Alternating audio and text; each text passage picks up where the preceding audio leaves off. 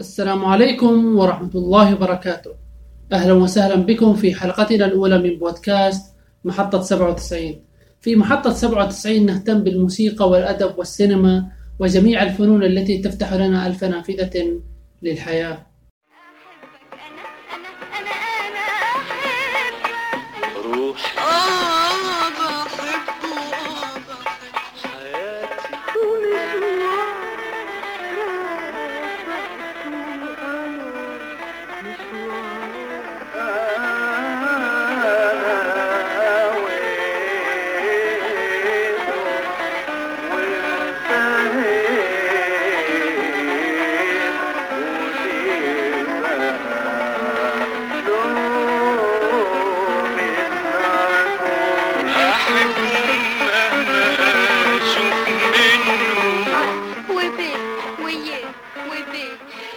موضوع حلقتنا اليوم موسيقي جدا فني جدا عن أهل الفن والمغنى عن قصة أغنية رسالة من تحت الماء اللي كتبها الشاعر نزار قباني وغناها العندليب الأسمر عبد الحليم حافظ في حفل الربيع 29 أبريل 1973 ولكن خلونا نرجع خمس سنوات للخلف لعام 1968 في هذه السنة كان عبد الحليم يجهز لفيلم أبي فوق الشجرة. احتوى الفيلم على خمس أغاني.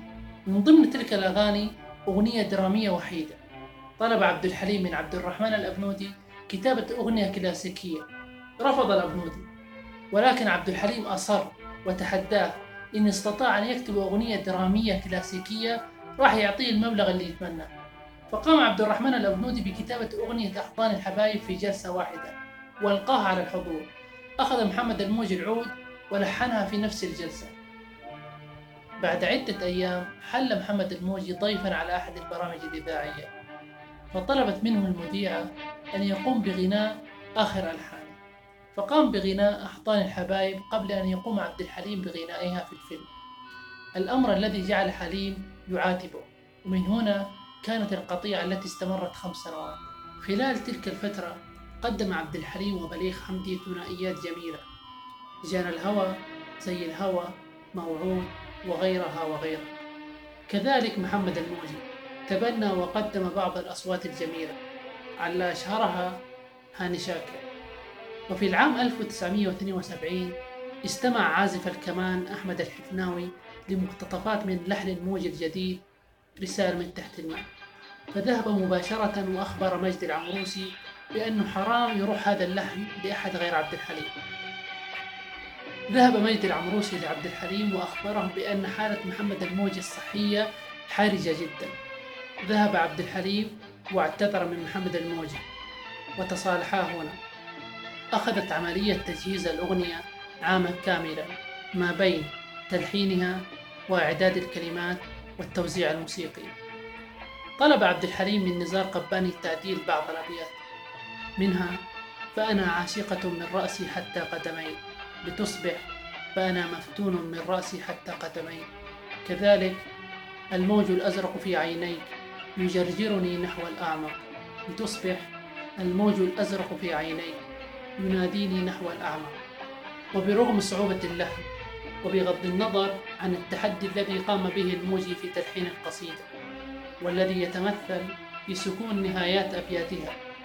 وحسب ما قاله نزار قباني نفسه أنه لم يكتب القصيدة لكي تلحن وتغنى.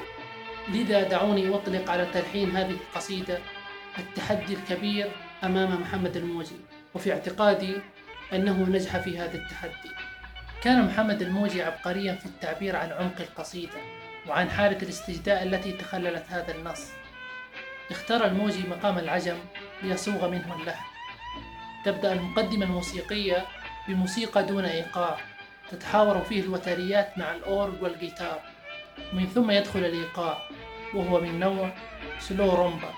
ونسمع في هذا الجزء لأول مرة عزفا منفردا على الكمان الكهربائي الذي استخدمه الموجي لأول مرة وربما للمرة الأخيرة. تنتهي المقدمة الموسيقية ويغني حليم من نفس المقام. إن كنت حبيبي ساعدني كي أرحل عنك. ويظل مع العجم لنهاية المذهب. يبدأ الفاصل الموسيقي للكوبليه الأول وهو من مقام الصبا. وفي هذا الفاصل لا توجد صلوهات عزف منفرد وإنما تقوم الفرقة بأكملها بالعزف بقلب واحد وروح واحدة.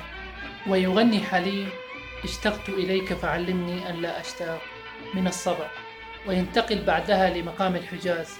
يا من صورت لي الدنيا كقصيدة شعر ثم يعود للصبا مرة أخرى. فأنا مفتون من رأسي حتى قدمي وبعدها ينتهي الكوبليه بنفس نهاية المذهب. لو أني أعرف خاتمتي ما كنت بدأت.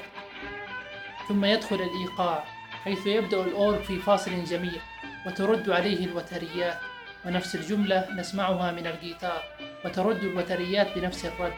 ولا يفوتني هنا أن أذكر أن المقام الجديد هو الأثر كورد وهو من عائلة الكورد ويغني حليم الموج الأزرق في عينيه متنقلا ما بين الكورد وعدة مقامات.